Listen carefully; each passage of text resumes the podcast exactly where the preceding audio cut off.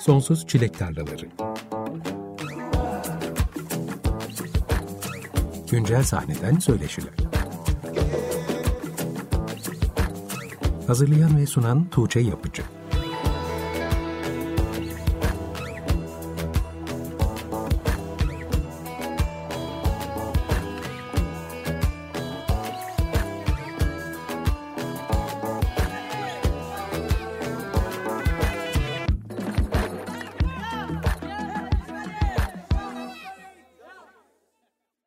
95.0 Açık Radyo'da Sonsuz Çilek Tarlaları programından herkese merhaba. Ben Tuğçe Yapıcı. Bu akşamki programa Şenceyli'nin geçen ay yayınlanan Eteğimdeki Taşlar adlı ilk albümünden Gönlümün Balkonu adlı parçayla başladık.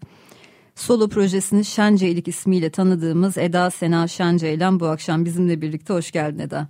Hoş bulduk. Nasılsın? Teşekkürler iyiyim sen nasılsın? Ben de iyiyim. Çok ateşli muhabbetler yapıyorduk program başlamadan önce. Çok hararetli derin konular konuşuyorduk. Belki bizim masadan uyardı bir dakika kaldı 30 saniye kaldı biraz bir sakinleşin falan diye o gazla şu an o şeyle heyecanla yayına girdik. Seninle geçen yıl Haziran ayında bu programda buluşmuştuk. O zaman bu albümün ilk single'ı yayınlanmıştı. Ela Bela yeni çıkmıştı. Seninle de hiç söyleşi yapmadığımız için albüm öncesinde buluşalım ve hem senin yaklaşık 10 yıllık müzik geçmişini konuşalım hem de albüme dair ilk haberleri alalım istemiştim. Hatta söyleşimizin ertesi gününde de ikinci single'ın vokal kaydına girecektin. Oyuncak evet, şarkısını doğru, evet. hatırlıyor musun? Aha. Çok güzel gündü ya. Albümün ismi o zamandan belliydi. Tahmin ettiğimiz gibi yine o evet, zaman planladığın gibi taşlar. çıktı. Değişmedi arada. Ve Aralık ayında yayınlamayı planlıyordun albümü. Evet biraz sarktı. Ocak 19'da çıktı albüm. Bence mükemmel yine de. Ben genellikle bu planlanan release tarihlerinin üzerine en az 6 ay ekleyerek konuk programımı yapıyorum. Hatta seneler içinde çoğu sanatçının üretim hızını da aşağı yukarı tahmin edebilir hale geldim. O yüzden bazen bir iki sene Çok ekliyorum iyi üzerine. Ama gerçekten de senin albümün sadece bir ay gecikmeyle Ocak ayında yayınlandı. Bu yerli sahnede nadiren gerçekleşen bir dua olayı prodüktörümle olan evet. titiz uyumumuz sağ olsun Arel Koray Nalbantçığım. O yüzden hem seni hem de albümde emeği geçen herkesi tebrik ederek başlamak istiyorum. Çok teşekkürler. Dediğin gibi Arel Koray Nalbant Vera grubundan tanıyoruz kendisini aynı zamanda. Ve prodüksiyon işlerinde de artık önemli bir isim haline geldi seneler içinde. Hatta hem bir yandan Vera'nın albümünü yaparken bir yandan da senin albümünü evet, bitirdi. Evet onlarınki de yakında çıkıyor. Bitmiş galiba o da. Evet. Aha. Herhalde seninki bittikten sonra ona sıra Paralel, geldi. Paralel e, çalıştı üzerinde aynen. Epey yoğun bir yıl geçirdi o da. Evet yakın zamanda Vera'nın albümünde dinleyeceğiz. Onlarla da buluşuruz zaten. Albüm çıktığında onları da özledim. Kaç senedir buluşmadık burada. Geçen Haziran ayından bu yana nasıl bir süreç geçirdiniz de bu albümü planladığınız zamana yetiştirebildiniz Eda?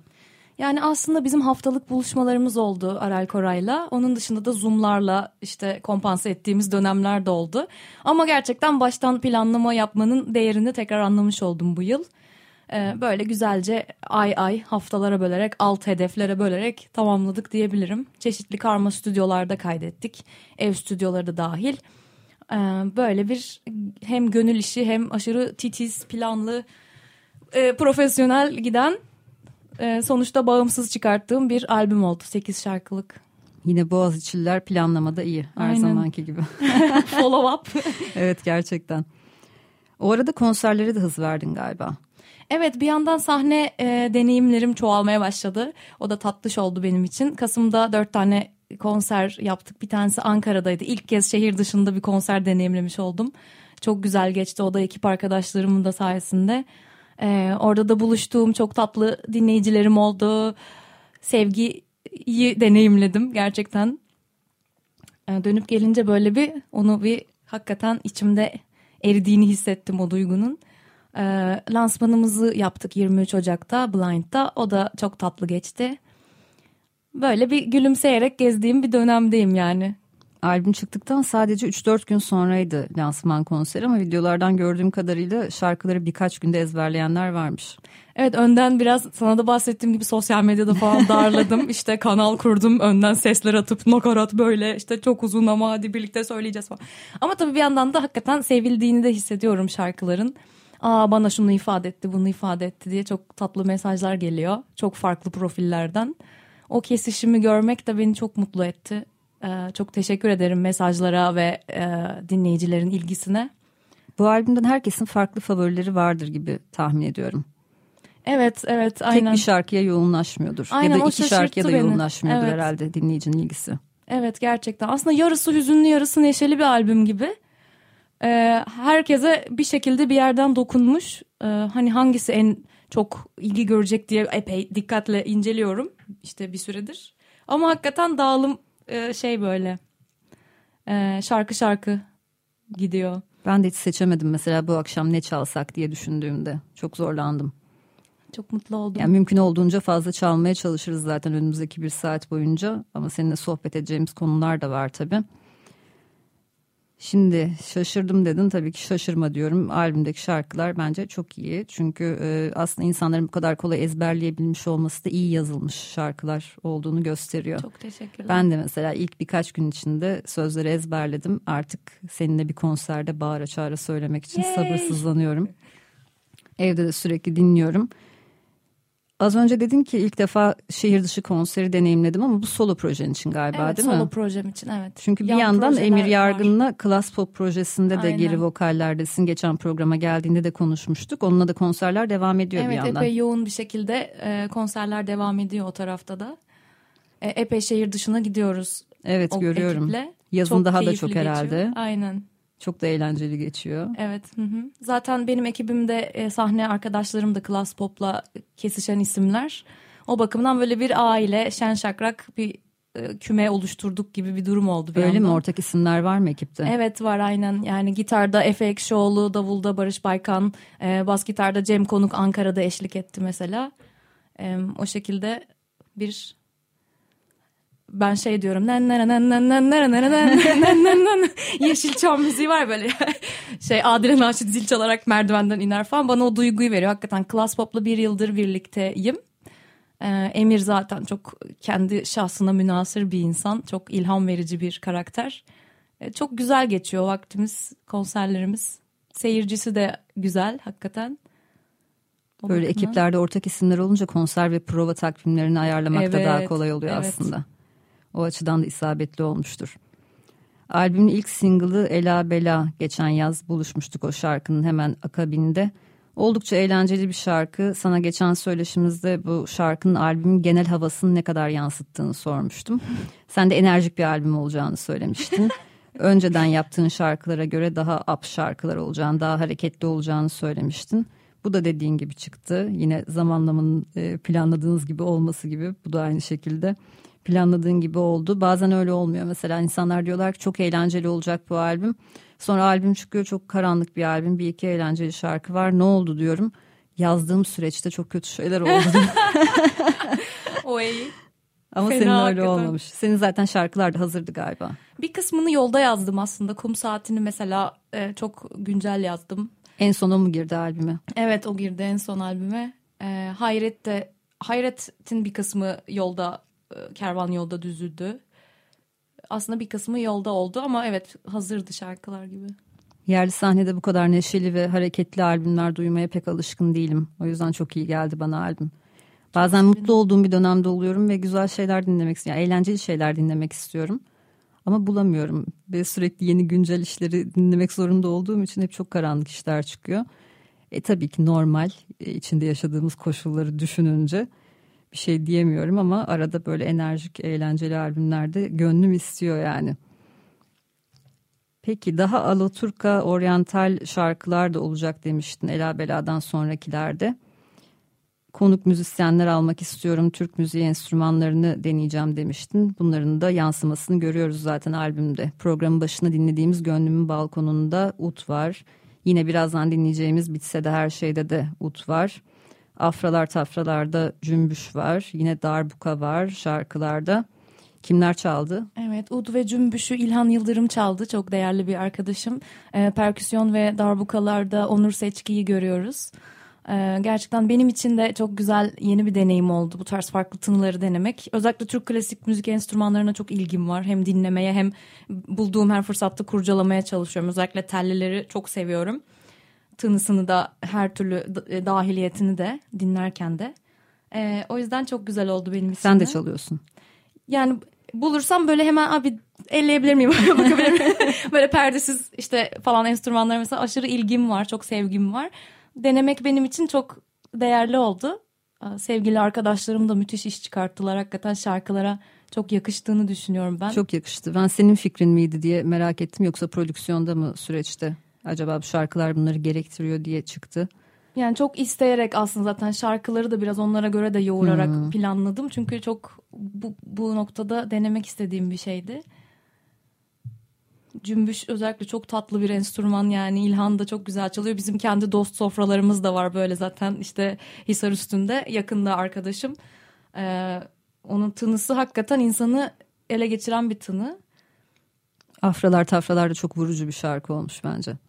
O böyle hayali bir aşktı aslında. Ee, hayali bir sofra mı? bir yaz aşkı hayaliydi yani. O evet hayaliydi. Böyle ben hiç yaz aşkı yaşamamıştım. Şimdi başlıyoruz riskli konu. Fark ettim. Gözüne bakıyorum Eda'nın buraya girmek istiyor musun diye. Yani Zah. sen girmek istiyorsan ben deşerim çünkü. Yani işte böyle hayali bir film kafamda resmettim. Manifest. Öyle bir şarkı o. Böyle şıkır şıkır sarı ışıklar. Işte. Hiç yaşamadığım yaz aşkının sofrası. Evet. Bu herkesin bildiği bir sofra o. Evet. Herkes öyle bir sofrada bulunmuştur yani yazdan kalma bir akşam. Değil mi? Albümde gitarları Arel Koray Nalbant ve sen çalıyorsunuz ama sadece tek bir şarkıda elektro gitarda Efe Demiral var. Oyuncak evet, parçasında. Bu nasıl oldu? Ee, o da çok güzel oldu benim için. Efe ile Simge'nin Click Stüdyo'da oyuncağın vokallerini de kaydettik. Hem gitarları da Efe düzenledi ve çaldı. Çok çok tatlı bir e, cipsi böyle bir hava kattı şarkıya da. Hem böyle onun bir şen şakrak havası var şarkının ama bir yandan da sözleri aşırı e, rap yani. böyle dert döken bıçkın sözler. Onun verdiği o dinamizmi o gitarlarla çok güzel vurguladı Efe. Sağ olsun. Bu arada Simge Pınar da um, ele, elabel, elabel, elabela'da geri vokal yaptı. o zaman müzik mi dinlesek acaba? Ben yine Olur. vakti kaçırmadan her şeyi unutup vakti unutup şarkı dinlemeyi de unutmadan program bitiyor bazen öyle. Bitse de her şey ve Hayret albüm sırasına göre gidelim bakalım şimdilik ne kadar çalabileceğiz bu albümden mümkün olduğunca fazla şarkı dinleyelim istiyorum bu akşam. Herkes duysun istiyorum bu albümü. Şimdi Şenceylik'ten dediğim gibi bitse de her şey ve hayret dinliyoruz. Hemen ardından tekrar Eda ile buradayız. Açık Radyo'da Sonsuz Çilek Tarlaları programı devam ediyor. Bu akşam Şenceylik'le beraberiz. Eteğimdeki Taşlar adlı ilk albümünden iki parça dinledik. Bitse de her şey ve hayret. Eda ile yine şarkı arasında derin muhabbetlere daldık. Arada mikrofon açık mıdır acaba? Öyleyse ne yapacağız, nerelere kaçacağız diye düşündük ama. Meksika'ya. Bilmiyorum artık çok uzaklara kaçmamız gerekebilirdi. Evet dediğimiz gibi bugün ilk albümünle buradasın. Geçen söyleşimizde albüm yapmak hangi yolda olduğuma dair kendim de üzerine düşünmemi sağlıyor demiştin. Tekrar bakınca bunun önemli bir nokta olduğunu hatırladım. Sonra da bir eski bir röportajında şöyle bir şey gördüm. Uzun bir araba yolculuğunda işte burası deyip bir yerde birkaç gün konaklamak, orayı tanımak, orada iz bırakmak gibi geliyor bana albüm fikri demişsin. Bence bu çok güzel bir tasvir. Hatırlıyor ne musun bilmiyorum ama. Ne kadar güzel bunları yansıtman çok hoşuma gitti ya. Bir önceki konuşmamız ve röportaj şu an böyle self devamlılık programlarımızda devamlılık unsuru vardır efendim. çok hoşuma gitti. Evet hep özendiğim bir şeydi albüm yapmak. Çünkü biraz kendi içine de dönüyorsun ya. Çok ihtiyacım vardı kendi içime dönmeye. İşte konuşuyoruz ya pandemiyi yaşadık. Hepimiz bir sürü kayıplar, acılar yaşadık. Doğumlar da yaşadık bahsettiğin gibi. Yeni işte yaratımlar ortaya çıktı. Yeni ilişkiler ortaya çıktı. Var olanlar yok oldu. Kendimizden nefret ettik. Kendimizi çok sevdik bazı noktalarda.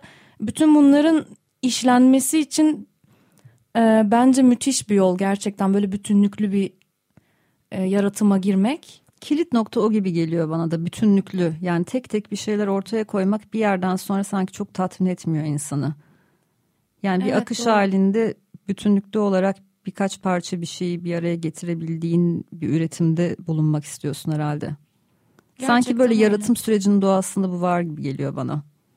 Değil mi? Biraz hani kuş bakışı bakabiliyorsun kendine de dışarıyla olan ilişkine de neler yaşadın ve bundan sonra neler umuyorsun hayattan. Hani işte genel olarak hakikaten bir ayna gibi oluyor. Sen çok uzun zamandır aslında şarkı yapıyordun ve yayınlıyordun ama bir albümün tatmini herhalde başka olmuştur. Yani bunu da yapabildiğini görmek. Evet o, o bakımdan da benim için gerçekten güzel oldu. Hani bir, bir yandan da proje yönetimi bu bir bakıma. İşin teknik tarafında da çok öğretici oldu benim için. Ama duygusal tarafta da hakikaten kendime biraz kendimi ispatlamaya çalıştığım bir süreç de oldu. Gerek şarkı yazımı e, gerek işte prodüksiyon tarafında. Mesela şarkı yazımında da işte mesela biraz daha mutlu taraflarımı da keşfetmeye çalıştım. E, bu zamana kadar hep kısa çalar single şeklinde yayınlarım olmuştu. Albüm farklı bir kafaymış gerçekten. Bir yıla yayıldı bir de. Değerli de bir yıldı. E, acısıyla tatlısıyla hep birlikte yaşadığımız yoğun bir yıldı. Hafif bir yıl yaşamıyoruz zaten sanırım epeydir evet, ben ama. Ben de onu düşünüyorum. Her senenin sonunda işte geçirdiğimiz yılın bir muhasebesini yapıyorum seçkileri çalarken. Hep de diyorum ki zor bir yıldı. E, diyorum hep aynı şeyi söylüyorum ama öyle yani kolay bir yıl yaşamıyoruz maalesef. 2024'ten bir ümitliyim bilmiyorum niye. Çok tatlı değil mi tipi de? ya böyle küçüklükten beri asarız ya balonları. Görsel böyle olarak bir hep 24'ü bir beklerdim yani. Ya da bilmiyorum kendime böyle bir e, pozitif şey veriyorum ama. 2023'ün de tipi tatlıydı gerçi ama. Ama işte çok da ama tipine 2024. kanmamak gerekiyor. Doğru. evet. Ama bilmiyorum işte bir şeyden de umutlu olmak istiyor ya insan. Dedim artık bir şeye inanacaksan Tabii bu hayatta canım. bu da 2024 olsun. Yani neden olmasın? Kesinlikle mantıklı bence de. Bu albümdeki şarkılar hep yeni şarkılar aslında. Son 3 senede yazdığın şarkılar diye biliyorum. Evet. Daha aynen. eski bir şarkı yok albümde. Ya bitse de her şey çok eskiden beri üstünde çalışmaya çalıştığım bir şeydi. Ee, o eskiye dayanıyor nakaratı falan ama albümün tamamı son 3 senelik e, yaşantıların ürünü. Evet son 3 senelik yaşantılar, kalp kırıklıkları, hayal kırıklıkları bunlarla dolu bir albüm. Şimdi düşünüyorum bu albüm çok düşündürdü beni. Onca kırgınlık ancak bu kadar nazik ve incelikli bir şekilde bu kadar mizahi bir dille ifade edilebilirdi diye düşündüm. Bu da bana alternatif sahneden pop müzikte yeni ifade alanları açılmasının ne kadar önemli olduğunu hatırlatıyor. Sen de kendi müziğini alternatif pop olarak tanımlıyorsun sanırım. Öyle diyebiliriz sanki evet. Ana akımda pop müzikte senelerdir atar gider astığım astık kestiğim kestik bir dil hakim. Alternatif pop denen işlerin de çoğunun hangi yönden alternatif olarak tanımlandığını anlamakta çok zorlanıyorum. Bana bültenler geliyor, bakıyorum, dinliyorum. Çoğunlukla sözlere bakıyorum. Ana akıma alternatif bir şey yok. Müzikte yok, soundda yok, düzenlemelerde yok, tavırda yok, görsel dilde yok. O zaman diyorum herhalde artık alternatif müzik ya da bağımsız müzik sadece bir ara durak, bir faz haline geldi ana akıma henüz çıkamamış, yeterince ünlü olmayan sanatçılar için kullanılan birer terim gibi gelmeye gel başladı bana. O yüzden de gerçekten alternatif pop meselesini önemsiyorum. Başından beri aslında bu işlerle uğraşmaya başladığımdan beri 2010'larda daha yakından bakmaya başladığımdan beri bu sahnede gerçekten ana akımı alternatif oluşturan işler çoğaldıkça ana akım pop müziğin de ancak bu yolla dönüşebileceğini düşünüyorum. Geçen hafta da Can Kazaz buradaydı yeni albümüyle. Aslında sizin iki hafta üst üste denk gelmeniz o açıdan iyi oldu. Onun müziğini de alternatif pop olarak tanımlayabiliriz ve gerçekten de ifade biçiminin inceliğiyle, müzikal tercihleriyle, düşünsel dünyası ve ele aldığı meselelerle pop müziğe bir alternatif yaratma anlamında çok başarılı bence. Başarılı bir örnek yani. Senin bugüne kadar yaptığın tüm işlerin de ilk albümünün de bu anlamda önemli olduğunu düşünüyorum bu albümdeki dil kullanımı senin üzerine kafa yorduğun bir konu mu? Yoksa zaten hayatı da ayrılık acısında bu incelikle yaşadığın için mi doğal olarak ifade etme biçimin bu şekilde oldu? Bu arada bu yorumların çok hoşuma gitti. Ben bir süredir düşünüyoruz bu konularda. Hani alternatif olmak nedir? Hı-hı. Ana akım olmak nedir? O ayrımın hoşuma gitti. Hani o profesyonel merdivendeki Hı hı. Kategori değil de aslında işte görselliği, duruşu, lirikleri, sound'uyla değerlendirmek lazım hakikaten böyle janra ismi verirken. Ben de o o yaklaşımla yaklaşmaya çalışıyorum. E, albümün şarkı sözleri üzerinde aslında yüzde seksen doğal kendim olarak günlük hayattaki kullandığım dili kullanarak ona yaslanarak çalıştım. Ama yüzde yirmi de şey diyebilirim. Rakamlar tabii ki sallama ama. Her zaman. yüzde yirmi de hani bu satir işte bu ironik bir şekilde belki bir savunma mekanizması ama hayattaki işte acılarımızı, kayıplarımızı bir noktada kucaklayıp ondan bir ders alıp devam etmemiz gerekiyor ya. Bunu da e, böyle naif ve komik bir dille yapmak hem beni çok mutlu eden, iyi hissettiren bir şey olmaya başladı bu albüm sürecinde. Hem bir yandan da hakikaten e, ben de bu tarz şeyler duyduğumda işte gerek bir kitap okurken veya bir replik, bir film repliğinde bu tarz bir e, yaklaşım gördüğümde beni güzel sağaltıyor. Yani benim bendeki o e, içerideki işlemeyi güzel destekliyor bu yaklaşım. O bakımdan hoşuma gitti. E, bunu naif bulman da hoşuma gitti. Bir yandan aslında ben biraz çok açık sözlü ve e, direkt olduğunu da düşünüyorum bazı sözlerin. Ama işte oradaki... Ama kırıcı değil. Hı hı. Yani tam tersine aslında hep çok yapıcı. Ve keşke herkes aşkı, acıyı, ayrılığı böyle deneyimlese diye düşündüm. Ne mutlu Dinlerken. bana o zaman. Sevindim. Evet yani biraz tabii e, niyetle yaptığım bir şeydi. Biraz da sanırım benim mizacım bu şekilde. Kişisel hayatımda da olayları değerlendirişim biraz böyle bir süzgeçten geçiyor. Empati kuruyorum genel olarak.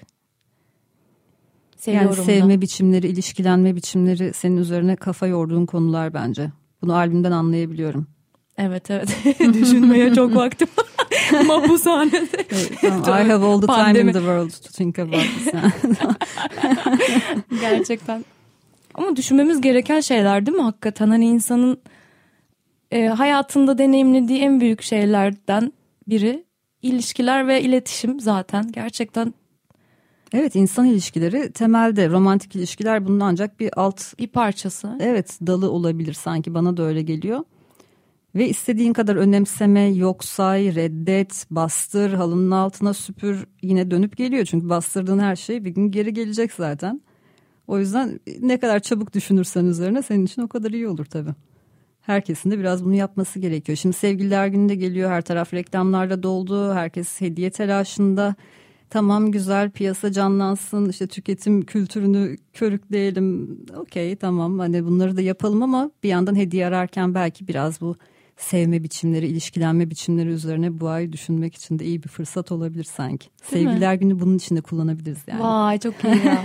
Gerçekten. Şu pop müzik meselesine geri dönersek yeni ifade alanlarının açılması aslında belki de dinleyicilere kendi ilişki deneyimlerini nasıl yaşadıklarını ve nasıl algıladıklarını da dönüştürebilecek bir kapı açıyor. Senin müziğinin ve bu albümün özellikle bu anlamda da önemli olduğunu düşündüm. Çünkü ana akım müzikteki ifade biçimleri insanların hem romantik ilişkilerde hem de her türlü insan ilişkisinde ilişkilenme biçimlerini uzun vadede dönüştürüyordur diye düşünüyorum. O kadar etkili mi müzik insanların üzerinde bilmiyorum. Frank Zappa'nın bir röportajında şöyle bir şey söylediğini hatırlıyorum. Müziğin gücü biraz fazla abartılıyor. Yani dünyadaki şarkıların neydi yüzdesi? Yine yüzdeleri atıyoruz. Yüzde doksanı belki aşk üzerine, sevgi üzerine, güzel hisler üzerine. Ama dünya hiç güzel bir yer değil. Dünya berbat bir yer. Demek ki çok da etkilenmiyor insanlar şarkılardan. O yüzden de şarkıları sansürlemek için bu kadar istekli olmaya gerek yok gibi bir şey söylüyordu. Ama ben yine de ana akımda maruz kaldığımız müziklerin ve orada anlatılan hikayelerin hayatı yaşama biçimimizi uzun vadede etkilediğini düşünüyorum. O yüzden belki birilerinin de bir şeylere farklı açılardan bakması ve o şarkıların dillere takılması insanların yaşama biçimini de değiştirebilir sanki. Şu an sıvı forma geçtim o kadar o kadar mi? eridim. Gerçekten ya ben küçüklükte mesela şeyi hatırlıyorum. Bir defterim vardı böyle. Babam işte TRT izlerdi Türk sanat müziği falan. Oradaki şarkı sözlerini böyle yazardım ve o kadar etkilenirdim ki cümlelerden. Beni bir hafta iki hafta etkilerdi hani küçük yaşıma rağmen ve özellikle ergenlik döneminde de çok şarkı sözlerinden çok etkilendiğimi hatırlıyorum. O bakımdan hani eğer dile olan etkisi bu şekilde pozitif olabilecekse mesela bu bu çok değerli bir e, hayal benim için çok güzel tutunulacak bir şey hedef diyebilirim yani gerçekten yani, dil evet, hayatı dil da dönüştürüyor önemli. çünkü demin de o komşu kesinlikle. hikayende mesela evet. paylaşmıştık. Evet kesinlikle. Yani şunu da düşünüyorum. Aklım dağıldı. Senin düşün senin söylediklerini düşünürken. Geçen gün mesela taksiye bindim ve taksici bir e, küçük bir tablet koymuştu. YouTube'dan şarkılar çalıyordu ama Kral TV tadında pop müzik şarkıları çalıyor. ben de çocuk gibi kitleniyorum ekran görünce hemen dinlemeye başladım. Şimdi her şey aynı birkaç şarkı geçti. İnsanlar değişiyor, şarkılar değişiyor. Ama klipler de aynı. İşte beş mekanda e, çekilen, beş arka fonda çekilen ve bir şarkıya sürekli hallenilen klipler. İnsanlar da aynı. Söyleyen herkes birbirine benziyor. Çünkü ışıklar, filtreler ve estetik operasyonlar. Hep böyle şey oluyorum. Aynı insan mı? Ve işin kötüsü şarkılar da aynı, sözleri de aynı, anlattıkları hikayeler de aynı. Neden bahsediyorlar? Herkes birilerine çok sinirli. Herkes bir takım aşıklara, sevgililere bir şeye çok sinirli. Başka Herkes bir şey haklı. yok mu anlatacak? Yani bir evet haklılık şeması da var zaten orada. Yani dedim böyle nedir bu yani? Sonra İrem Derici çıktı. Ben onu beğeniyorum. Tavrını da beğeniyorum. Ses rengi de farklı. İşte olmayacak yerde olmayacak şeyler söylemesi de hoşuma gidiyor. Ve bir anda dedim ki düzenlemesi farklı ve anlattığı hikaye farklı olan bir şarkı. Aha dedim farklı bir şey oluyor şu an. Sonra hatırladım ki Onur'un şarkısı, Onur Özdemir'in yazdığı Yaz Ya. Gülü şarkısı. Ve işte Onur'un yaptığı işlerin beni bu kadar heyecanlandırmasının sebebi ya sevdiğim bir insanın işinin yürüyor olması değil aslında. Daha geniş manada bir şey ifade ettiğini düşünüyorum. Alternatif sahneden gelen daha işte rock kökeninden gelen bir şarkı yazarının yazdığı işlerin ana akım pop sahnesini dönüştürme ihtimali beni çok Işık heyecanlandırıyor sızdırıyor orada. resmen değil mi? O Evet. üslubuyla o gerçekten. Sizin yaptığınız şeylerin de aynı yerden beni heyecanlandırdığını düşünüyorum. Can Kazaz'ın işlerine en başından beri çok etkilenmem onun işlerinden, senin işlerinden aynı şekilde ya da Mabel Matiz'in pop sahnesinde yaptığı şey senelerce işte bir popstar çıkmıyor yeni e, travması yaşandı Türkiye'de işte Harbiye'yi dolduracak sanatçı çıkmıyor. Sonunda kim doldurdu? Mabel Matiz doldurdu. Yine kendi şarkılarını yazan alternatif sahneden gelen bir isim doldurdu. Bu anlamda bu alternatif tavırdan beslenmesi çok önemli. Ana akım pop müziği alternatif sahne kurtaracak gibi hissediyorum. Yani alternatif aslında cesurlukla da eşleştirebilir miyiz bir noktada? Hani korelasyon olabilir mi? Hani şarkı sözlerine mesela Onur Özdemir'e çok hayranım. Dediğin gibi benim de öyle fark edişlerim oldu. Çok geniş bir spektrumda çok farklı janralarda var kendisi ve hakikaten dönüştürüyor. Ee, yani aslında biraz cesurlukla da alakalı belki onu yap, yani o yazdığı sözlerin bir kısmı gerçekten cesur benim gözümde. Ya Mabel Matiz'de de aynı şey var. Mesela kendisi olmaktan hiç vazgeçmediğini düşünüyorum ben bir dinleyicisi olarak. Dönüşüyor, değişiyor ama kendisi olmaya devam ediyor. O dediğin fabrikasyon şeyden çıkıp gerçekten reddedilmek pahasına. Pahasına, evet. Aynen. Ve işte onun hediyesi de çok farklı bir e, kabullenilme ve çok farklı bir kucaklaşma oluyor belki de. Evet dediğin gibi yaratım sürecinin zaten temel şey ne diyeyim nesi diyeyim bilemedim. Cesaret yani cesaretli olanlar aslında ortaya yeni bir şey koyabiliyorlar. Yoksa hep bilindik formüller üzerinden yürümeye devam ediyorsun. Yani belki de ana akım pop sahnesinde bir şeyleri atar gider yapmayan seninki kadar e, belki ayrılıkta bile çok cömert bir şekilde sevgiyle anmaya devam eden bir şarkının belki de tutmayacağını düşünebilir ana akım pop sahnesinin içinde yoğrulmuş bir aranjör, bir prodüktör. Ama yanılıyordur. Ve onun yanıldığını görmek bana çok eğlenceli geliyor. Çok değerli gerçekten. Yani bunları konuşmak da analiz etmek de dönüp hem kronolojik hem e, kalitatif olarak hem senin gibi e, güzel değerlendirebilen birinden bunu duymak çok değerli albüm Sen de beni çıktıktan sonra. şimdi. Gerçekten. Çünkü bir, bir coşku da oluyor böyle çocuksu o yaratım sürecinde ne yaptığını da bilmiyorsun da bir yandan hani birazcık da kendin içinde yapıyorsun. Acaba iyi bir etkisi olur mu etrafa bunu çok da bilemiyorsun ve olmasını hayal ediyorsun. O yüzden gerçekten yansımalarını tartışmak çok değerli dönüp Zaten bakınca. bunun olabileceği tek yolda bu gibi Eda. Yani sen bütün bu süreçleri hesaplayıp böyle formüllerle planlayıp yapamazsın yani bir sanatçı olarak. Yapsan da ortaya bu kadar samimi bir iş çıkmaz. Zaten önemli olan orada bilmiyorum gök kubbe altında söylenmemiş bir söz kaldı mı sanmıyorum açıkçası. Her zaman çok yeni bir şey söylemek mümkün değil. O yüzden yapabileceğimiz tek şey sanki yaratım sürecinde kişisel olandan yola çıkmakmış gibi geliyor bana. Yani senin yaşadığın ve senin hissettiklerin sadece oraya odaklandığında yeni bir şey söyleme imkanı varmış gibi geliyor. Çok güzel bir nokta. Geçen bir tane cümle gördüm öyle. Şey diyor her gün söylemeye korktuğun bir konuda şarkı yaz. Şarkı cümlesi yaz. İşte bir tane böyle şarkı yazarlığıyla ilgili konuşmalar yapan bir bey var. Yabancı. İşte diyor ki her gün bir cümle yaz. Normal hayatta kimseye söyleyemeyeceğin, anlatmaktan korktuğun aşırı e, çekingen hissettiğin bir konuda. Çünkü dünyanın hani buna ihtiyacı var. İşte bir şekilde o en korktuğun o böyle dikine oraya dalmana aslında hem senin hem etkileştiğin tüm işte bu da cesaret gerektiriyor en korktuğun yeri deşmek. Evet çünkü rezil de bir durum bir yandan gerçekten öyle ama işte iyi de geliyor değişik bir şey ya. Yine Onur'un bir sözü var resmen kulağıma küpe onu duyduğumdan beri aklımdan çıkmıyor. Ben rezil olmaktan korkmuyorum diyor. Of çok iyi ya. Bu bana hayatta ulaşılması gereken bir nokta gibi geliyor rezil olmaktan korkmamak. Ancak o zaman sanki bir şey yaratabilirsin gibi geliyor. Öyle hakikaten yani daha daha çekirdekte ne var ki zaten tamamen. Geçenlerde bir arkadaşımla konuşuyorduk. Çok da böyle siyasete, siyaset kuramlarına meraklı bir insandır. Sürekli öyle şeyler okur filan. Bir öyle bir şarkı için galiba siyasi bir şarkı için dedik yani ne gerek var ki böyle bir şarkı yazmayı? Ondan hiç beklemediğim bir şeydi. Dedim ki ne üzerine yazılsın şarkılar? Aşk üzerine yazsınlar dedi. Dedim ki yani aşk üzerine yeterince şarkı yok mu Kendisi sence? Kendisi politik biri mi? Evet çok. Ona rağmen ondan gelmesi zaten şaşırtıcı geldi. Aşk üzerine yeterince şarkı yok mu sence dedim. Yok dedi. O kadar emin söyledi ki kendinden ben oturup onun üzerine düşündüm ve aylardır da aklımda. O kadar emin ki yani belki de dedim yok evet.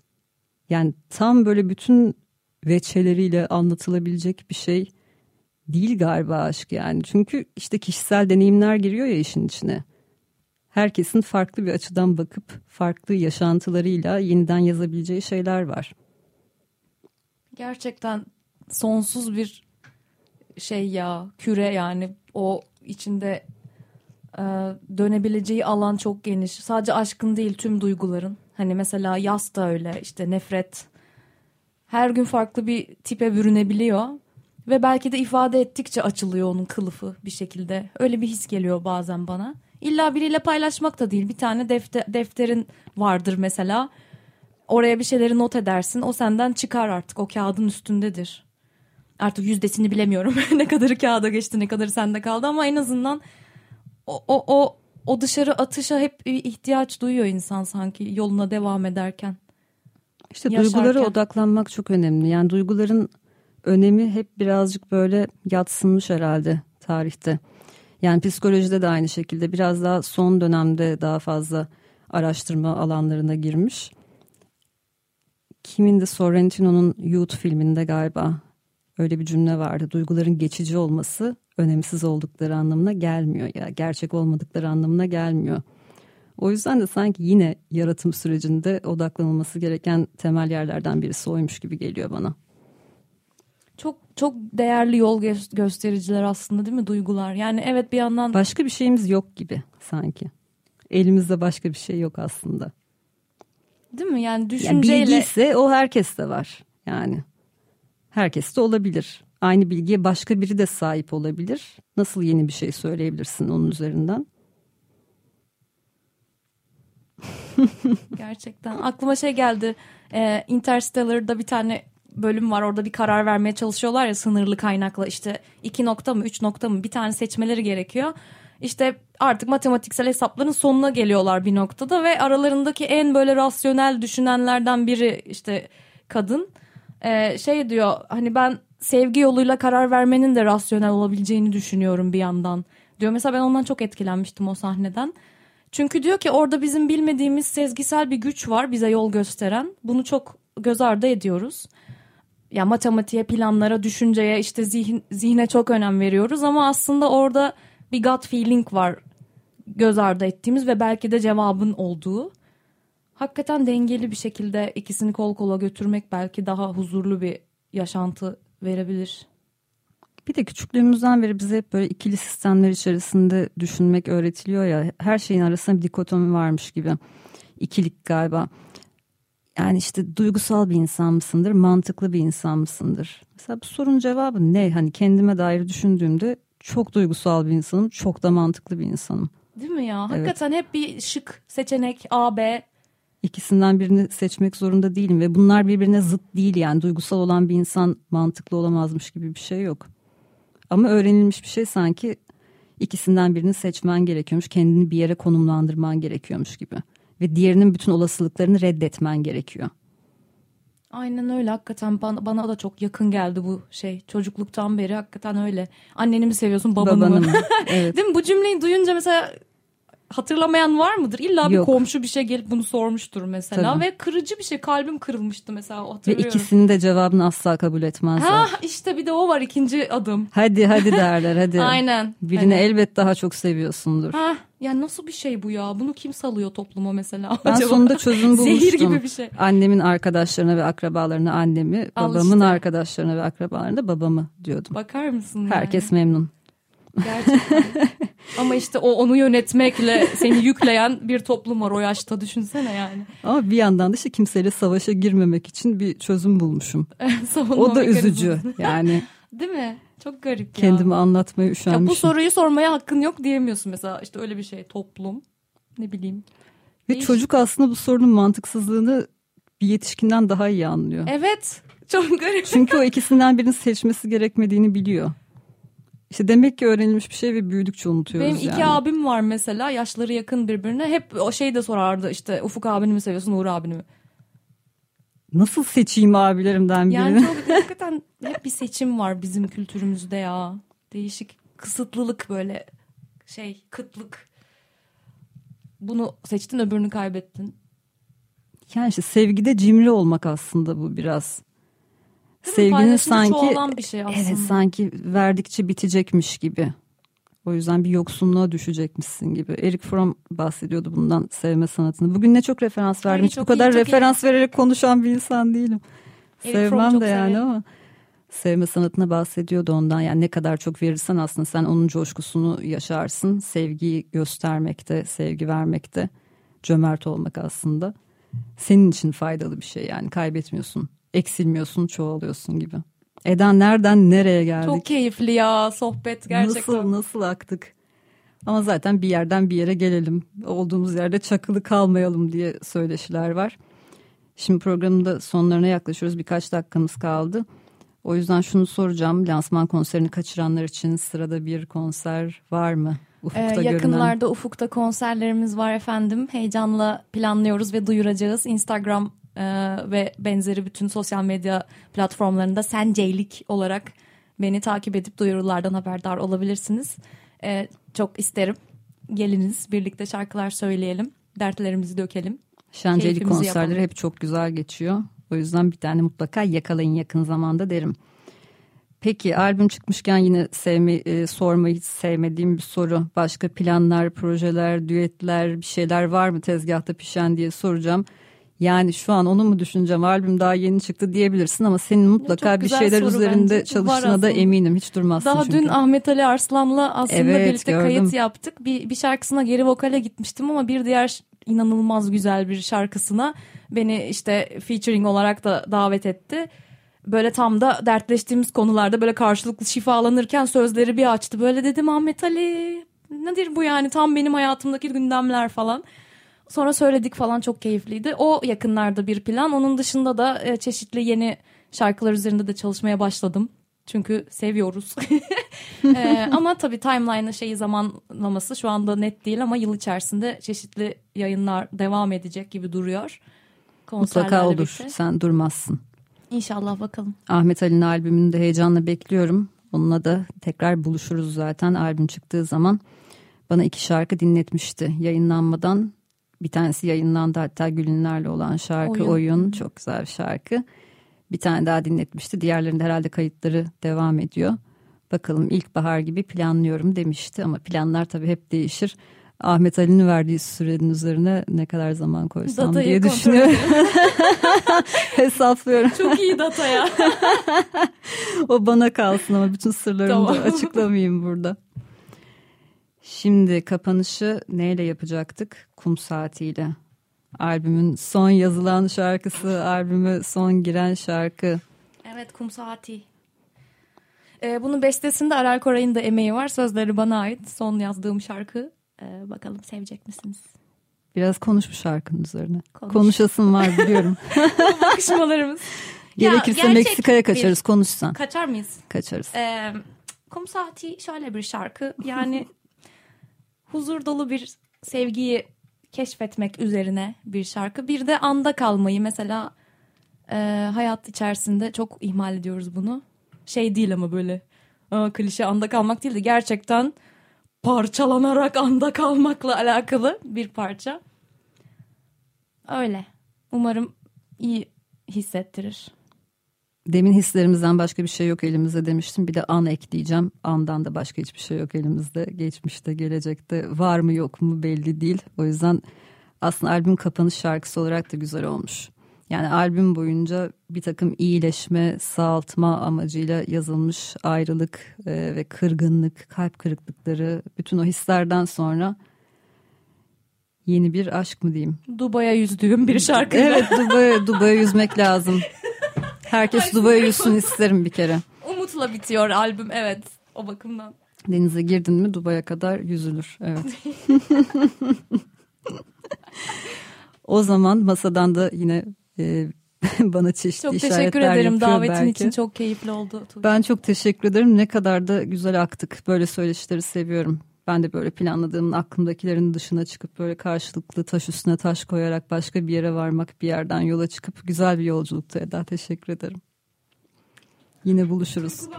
Ben. Hayırdır, bu Ben oyunu burada, evet. Bir duygusalım ben ya. Bir konuk ağlatmaya başladım son dönemde. Bakalım nereye varacak bu işin sonu. Seni de ağlatmadan bitirelim programı. Şimdi Şenceylik'ten Kum Saati dinleyeceğiz. Eda Sena Şenceylan bu akşam bizimle birlikteydi. Kum Saati'de yayınlanan ilk solo albümü Eteğindeki Taşların kapanış parçasıydı. Bu akşam bizim de kapanış parçamız oluyor. Gelecek hafta görüşünceye kadar hoşçakalın.